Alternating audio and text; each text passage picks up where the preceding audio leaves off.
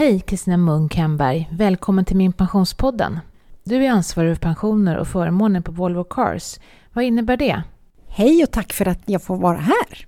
Eh, produktägare heter det sedan ett tag tillbaka med förpensioner och försäkringar eller pensioner och förmåner på företaget. Och det innebär att man har en slags huvudkontorsroll för hela koncernen i världen och sen är man också specialist och kunnande och den som ytterst driver verksamheten kring pensioner och försäkringar eller pensioner och förmåner i Sverige mer operativt. Då. Med oss i studion har vi också Ola Lindgren. Du är pensionsspecialist på Volvo Cars. Berätta, vad gör du på dagarna? Det stämmer det. Hej! Eh, jag är eh, ganska nyanställd på Volvo, jag har varit här i två år, vilket är kort om man tänker på Volvo-perspektiv. Har tidigare arbetat på Alecta och varit försäkringsförmedlare och diverse andra försäkringsbolag. Totalt har jag varit i branschen ungefär 17 år. Så det är spännande att komma till det här perspektivet och jobba på Volvo istället. Hur många anställda har Volvo Cars idag? I Sverige, får vi säga då. då. Det kanske finns utomlands också, eller? Ja, totalt sett i världen så är vi väl 40 40 000 anställda. Och vi finns i 37 länder där vi har helägda bolag. I Sverige så är vi jättestora. Vi är numera Sveriges näst största privata arbetsgivare. Vi är 30 000 anställda, hälften tjänstemän och hälften arbetare. Och vi har dessutom i de här lokalerna som vi sitter i här och nu i Torslanda så har vi dessutom jättemycket konsulter både på arbetarsidan och på tjänstemannasidan. Så här är stort. Nu blev jag jättenyfiken. Vilket är det största? Postnord lär vara större säger de. Aha, har ni anställda utomlands också som har svensk tjänstepension? Eh, ja, det har vi. Vi har ju de här som vi skickar ut eh, ifrån Sverige som jobbar utomlands på våra vägnar. De är ju anslutna till ITP Utland eller SAF LO Utland faktiskt också. Det är svenskar då som ni skickar iväg utomlands med de här pensionerna? Mestadels svenskar. Sen är det även att vi har eh, personer som kommer hit som har jobbat i Sverige ett antal år och är anslutna på lokalkontrakt hos oss som vi sen skickar ut också som är är ute och jobbar åt oss i andra länder. Det låter som ni har ganska många pensionsplaner för era anställda. Hur många är det? Ja, vi har idag de stora, men vi har haft många, många fler. Därför att för några år sedan så hade vi, gjorde vi en strategi att vi skulle till back to basics. Då gick vi mot kollektivavtalen. Och sen har vi städat mot kollektivavtalen. Eh, och tagit bort alla andra lösningar så, så gott det går. Liksom. Ja. Så vi har avtalspension Safello för arbetarna. Vi har ITP1 och ITP2 för tjänstemännen. Vi har tjänstegruppliv i ett av de valbara bolagen och sen har vi möjlighet till deltidspension enligt Teknikarbetsgivarnas avtal. Vi har Volvo Företagspension som är ett lokalt kollektivavtal. Vi har en chefspensionsplan som träder in för ITP2 över 30 basbelopp. Och vi har möjlighet till bonusväxling som blir en plan då och vi har möjlighet till tidbanksväxling som också är en produkt. Och jag tror att jag inte missar någon. Jag kan säga också att i snitt, de här 30 000 anställda då, de har i snitt åtta försäkringar styck. Så många försäkringar blir det. Nu var vi ju inne på det här med tiotaggarlösningar men de flesta företag som har anställda med hög lön, de väljer ju att köpa lösningar för sina tio som det kallas, alltså de som tjänar över 10 inkomstbasbelopp. Men Volvo Cars, ni har istället valt att använda de kollektivavtalade lösningar för den här gruppen. Vad ligger bakom det valet? Det har lite grann det här som Kicki var inne på tidigare med att vi ska gå back to basic. Eh, men redan 2007 så stoppar man all nyteckning för Volvo-anställda för alternativ ITP.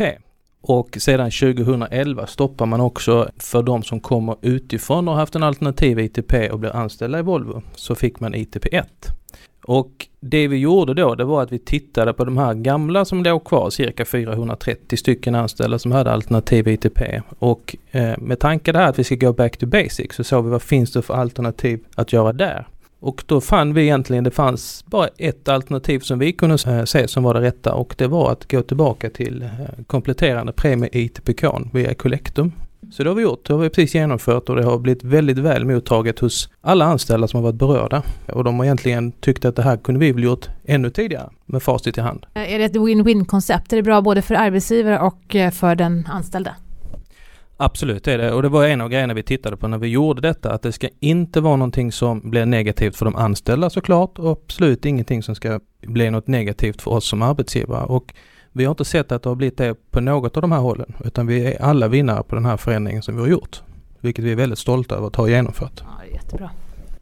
Ja, ni har ju också ett eget pensionsbolag. Det är lite kaxigt, det heter VFF Pension. Men vilken roll har VFF Pension för er på HR och för era medarbetare? VFF Pension eller Volvo Företagspension är egentligen resultatet av ett löneavtal så långt, långt tillbaka när vi fortfarande ägdes av AB Volvo. Där man avstod en del av lön för att spara till framtida tjänstepension då. Och då skapades det som hette 60-årsfonden på den tiden. Som någon slags kopia av en löntagarfond.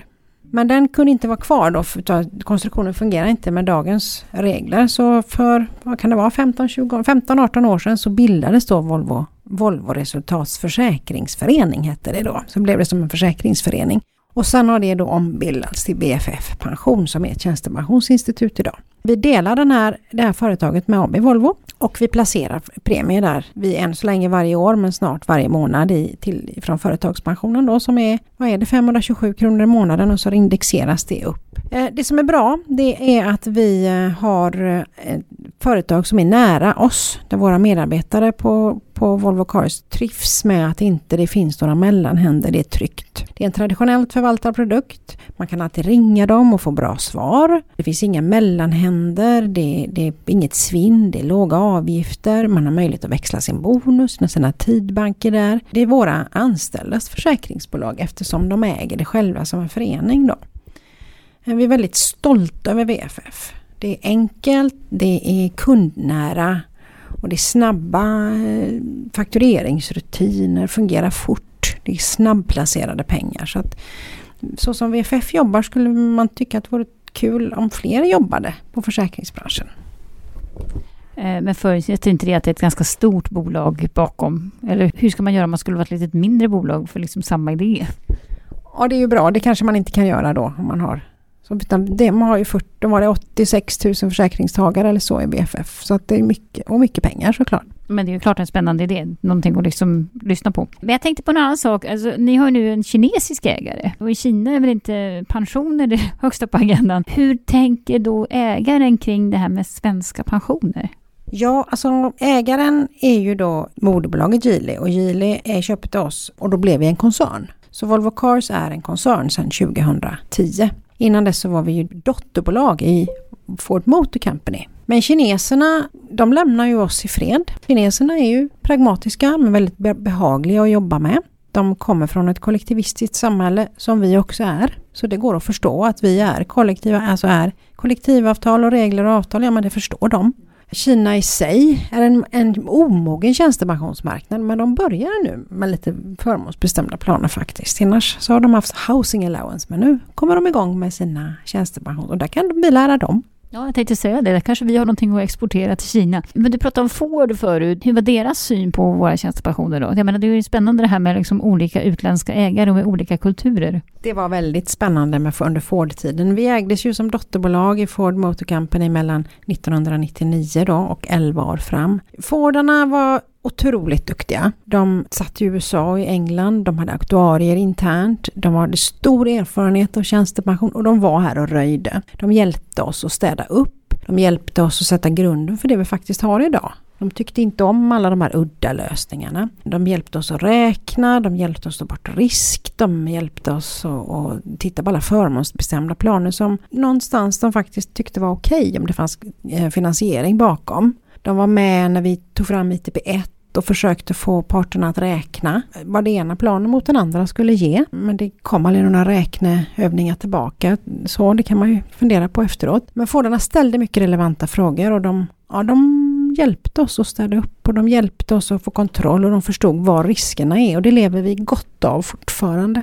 Min pension har ju tillsammans med ett flertal aktörer inom pensionsbranschen, valcentraler och ja, olika pensionsbolag, varit på besök hos er för att hjälpa er anställda att se och förstå sin pension. Vid de här tillfällena har jag tänkt på att intresset för pension är väldigt högt faktiskt på Volvo Cars bland era anställda. Hur lyckas ni med att få människor intresserade av en sån otroligt tråkig sak som pensioner? Ja, visst är det kul att folk tycker att det är så jätteroligt. Men det var så här då att för några år sedan, innan 2013, och i, och i samma veva som vi startade med Back to Basic, innan dess så fick vi oerhört mycket frågor och folk förstod inte. Så sa vi, nej men nu måste vi göra någonting så att vi förenklar. Vi måste ja, ta bort allting som gör det svårt. Ta bort alla de här extra lösningarna som fanns vid sidan om. Och sen började vi att prata ett annat språk. Vi pratade om sparande.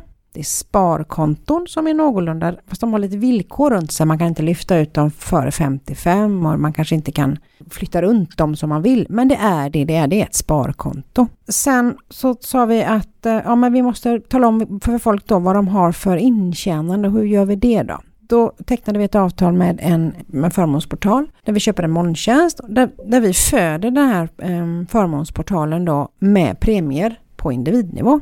Så varenda betald premie redovisas. Började vi att mäta 2013 så mätte vi hur många som kände till sin tjänstepension. Då var det 15 procent. 2017 så är det 47 procent. Och då har vi ökat från 16 500 till närmare 30. Så det är mycket, mycket mer människor. Men vi håller på, vi, vi pratar, vi talar om, vi skickar mejl, vi använder vår förmånsportal, vi pushar och vi informerar och vi säger hjälp, vi ger människor hjälp till självhjälp. För det är sparande och det är din egen privatekonomi, det är ingenting annat. Sen kan man ju säga att vi har ju väldigt många människor som är anställda här som inte har sin grund i Sverige. Och de är ju inte vana är någonting annat än att ta ansvar för sin egen tjänstepension och sitt eget sparande. Och det smittar av sig här. Så idag får vi frågor från våra medarbetare som nyrekryteras hur pensionen ser ut. Det är en del av konkurrensfaktorn. Men folk är generellt sett intresserade och uppskattar det man gör då. Men då blir jag ju nyfiken på det här. Alltså, går man omkring här i korridorerna så är det ju inte bara svenska som pratas. Det pratas engelska, det pratas kinesiska. Det är rätt, känns väldigt internationellt. Men då är två frågor. För det första då, när du jobbar i andra länder, hur, hur tänker man kring pensioner då? Är det liksom deras pensionssystem eller hur funkar det? Och hur informerar man då de här nyanställda som ni för sig säger verkar ta reda på allting själva om den svenska pensionen? Ja, då är det väl egentligen så här att, att med, om vi skickar ut personer från Sverige att jobba utomlands så får de ju eh, ITP utlandsplanen och likadant om folk skickar på expertuppdrag till oss, då är det också deras hemmaplaner som kommer ligga till grund för dem. Däremot så lokalanställer vi dem här i Sverige så får de alltså ITP 1 och där har vi sett att om vi skulle anslutit dem enligt kollektivavtalets vanliga regler, det vill säga att det är åldern som skulle styra och att det är kanske vissa får förmånsbestämda och andra får premiebestämda. Då får vi mycket frågor på de som har förmånsbestämda hur mycket som sätts av. För de är vana, som Kicki nämnde här tidigare, tagit eget ansvar över sin pension och man vill gärna se hur mycket som sätts av. Så därför så har vi tagit det beslutet att eh, det bästa planen för dem är ITP1 för att kunna se vad det är för premier som faktiskt sätts av och det gör dem tryggare i den här planen. Ja, man kan ju säga att jag tyckte du frågade också Kristina vad, vad man har i de olika länderna. Ja, om vi utgår ifrån varje lands lagar och avtal. Någonting annat är inte möjligt. Så man har den pensionslösning man har i det landet man,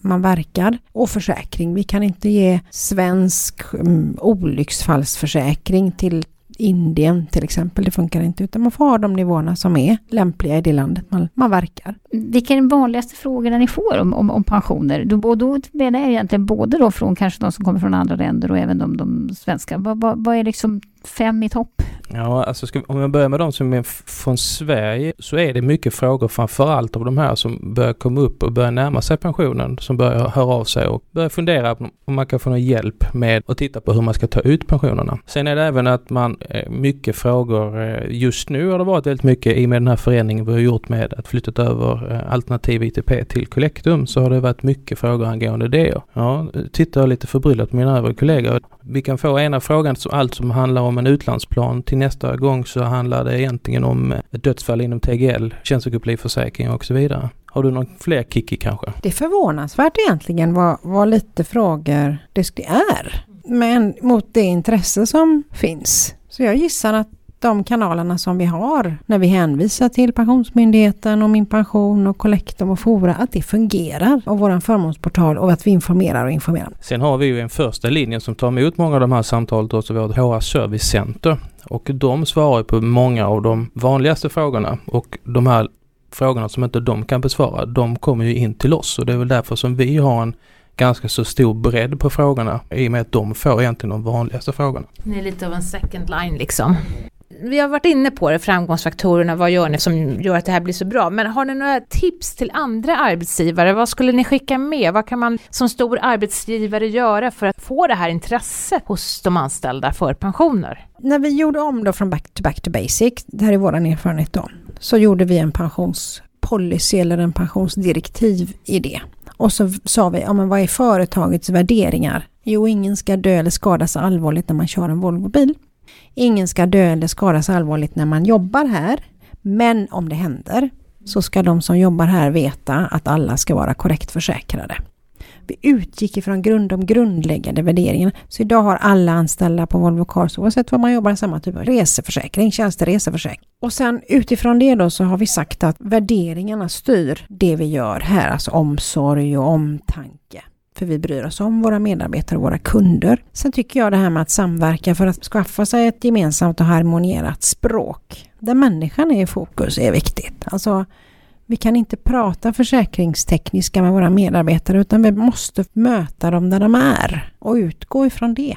Och sen får man ha tålamod. Alltså det resultatet som vi ser nu, det påbörjade vi 2005. Så det har gått många år till att komma där vi är idag. Och vi påbörjade det tillsammans med Ford som hjälpte till dem att lägga grunden. Men det tar den här tiden. Sen tror jag att miljön och medvetenheten kring pension i allmänhet har ökat i samhället idag. Det hjälper ju naturligtvis också till. Men tålamod med och sen strategi och så håll i. Håll i! Och så kanske ett eget pensionsbolag också. Om vi blickar in i spåkulan då, hur ser framtiden ut? Alltså pensioner är ju en ganska viktig del verkar som faktiskt då, man brukar prata om uppskjuten lön och alltihop det där. Och arbetsgivarna har faktiskt fått lite skäll nu på senare år för att man faktiskt inte har tagit särskilt mycket ansvar. Man pratar inte pension på jobbet, man, man berättar inte. Tror ni att det kommer att hända grejer här? Kan vi förvänta oss att, att arbetsgivare kommer att ta ett större ansvar just när det gäller pensionsfrågor? Rent informationsmässigt har vi som arbetsgivare ett ganska så stort ansvar att se till att informationen finns lättillgänglig och lättförståelig för våra anställda. När det gäller ekonomiskt, då är det väl egentligen så att det kan ju vara ett ansvarsområde även som en arbetsgivare måste ta, men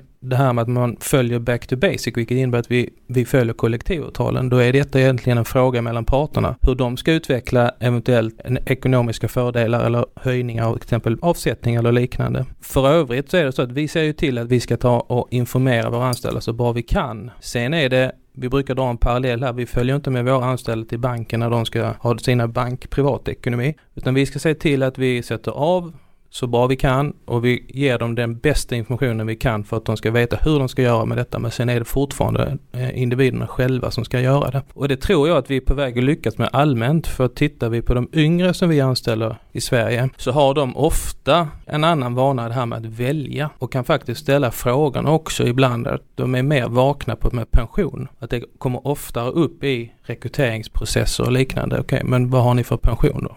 Så det finns ett intresse bland unga, tycker du, för pension? Jag undrar hur ska vi göra för att det ska bli ännu större? Inte bara på Volvo utan i Sverige. Hur ska vi få... Det är ju så viktigt att man tidigt i livet börjar förstå och engagera sig lite grann i sin pension. Har ni något tips? Jag tror, om jag får tro, att man på grundskolan måste lära sig om ekonomi. För det här är ekonomi. Det är ekonomi idag och det är ekonomi imorgon. Och då måste man lära sig vad ekonomi är. Har man koll på att man måste ha inkomster för att klara sina utgifter så kan man också klara av morgondagens ekonomi, att man måste planera för den. Men då måste man börja tidigt. På förskolan kan man börja prata om pengar. Inte alla som har det med sig hemifrån. Och sen fortsätter det, för man väl börjat och väcka det intresset så tror jag att det fortsätter att leva vidare. Inga genvägar. Vill du komplettera Ola? Jag skulle bara säga att det är, man måste egentligen få in det precis som Kiki sa i skolan för det är ju jäkligt roligt att se hur pengarna växer när det går bra. Sen så behöver man inte titta när det går dåligt men när det väl växer då är det roligt och det får man lära barnen också.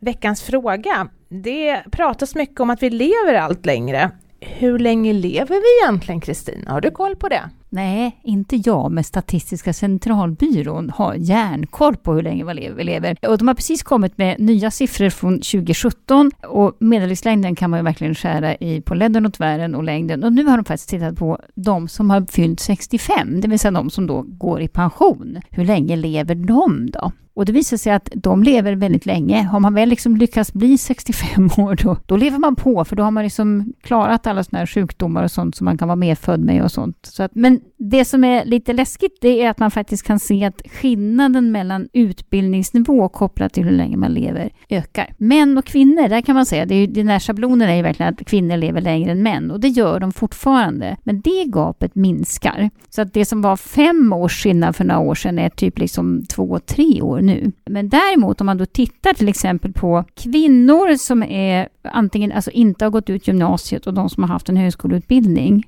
så skiljer det alltså tre år i medellivslängd och det är ganska mycket faktiskt. Och det är ungefärligen samma skillnad när det gäller männen då, tre år. Och då kan man säga att den som inte har gått ut gymnasiet och fyllt 65 år har en förväntad medellivslängd på ungefär 18 år. Medan den här mannen, med välutbildade mannen, har en förväntad medellivslängd från 65 på 20 år. Så han blir nästan 20,9 till och med. Han blir nästan 86 år då. Va? Och de här välutbildade kvinnorna, de har en förväntad medellivslängd på 23,3 år, det vill säga de blir liksom 88 i genomsnitt. Eh, och sen var det ganska roligt också, man konstaterade då från SCB också att det, vill man verkligen leva länge, då ska man dessutom ha en, man ska vara välutbildad och ha en partner. Då är man nästan odödlig. Det gäller att gifta sig alltså? Det gick bra att vara sambo också. Ja, det gick okej. Okay. Sam, sambo går också bra. Man ska ha någon vid sin sida. Tack för att du har lyssnat på Min Pensionspodden som vi idag spelade in från Volvo Cars i Torslandafabriken i Göteborg. I avsnittet har du hört Kristina Munkhemberg, Ola Lindgren, Kristina Kamp och jag själv Maria Eklund från Min Pension. Vi hoppas att du gillar och delar vår podd i sociala medier. Frågor ställer du till podd.minpension.se. Vi hörs snart igen. Hej hej!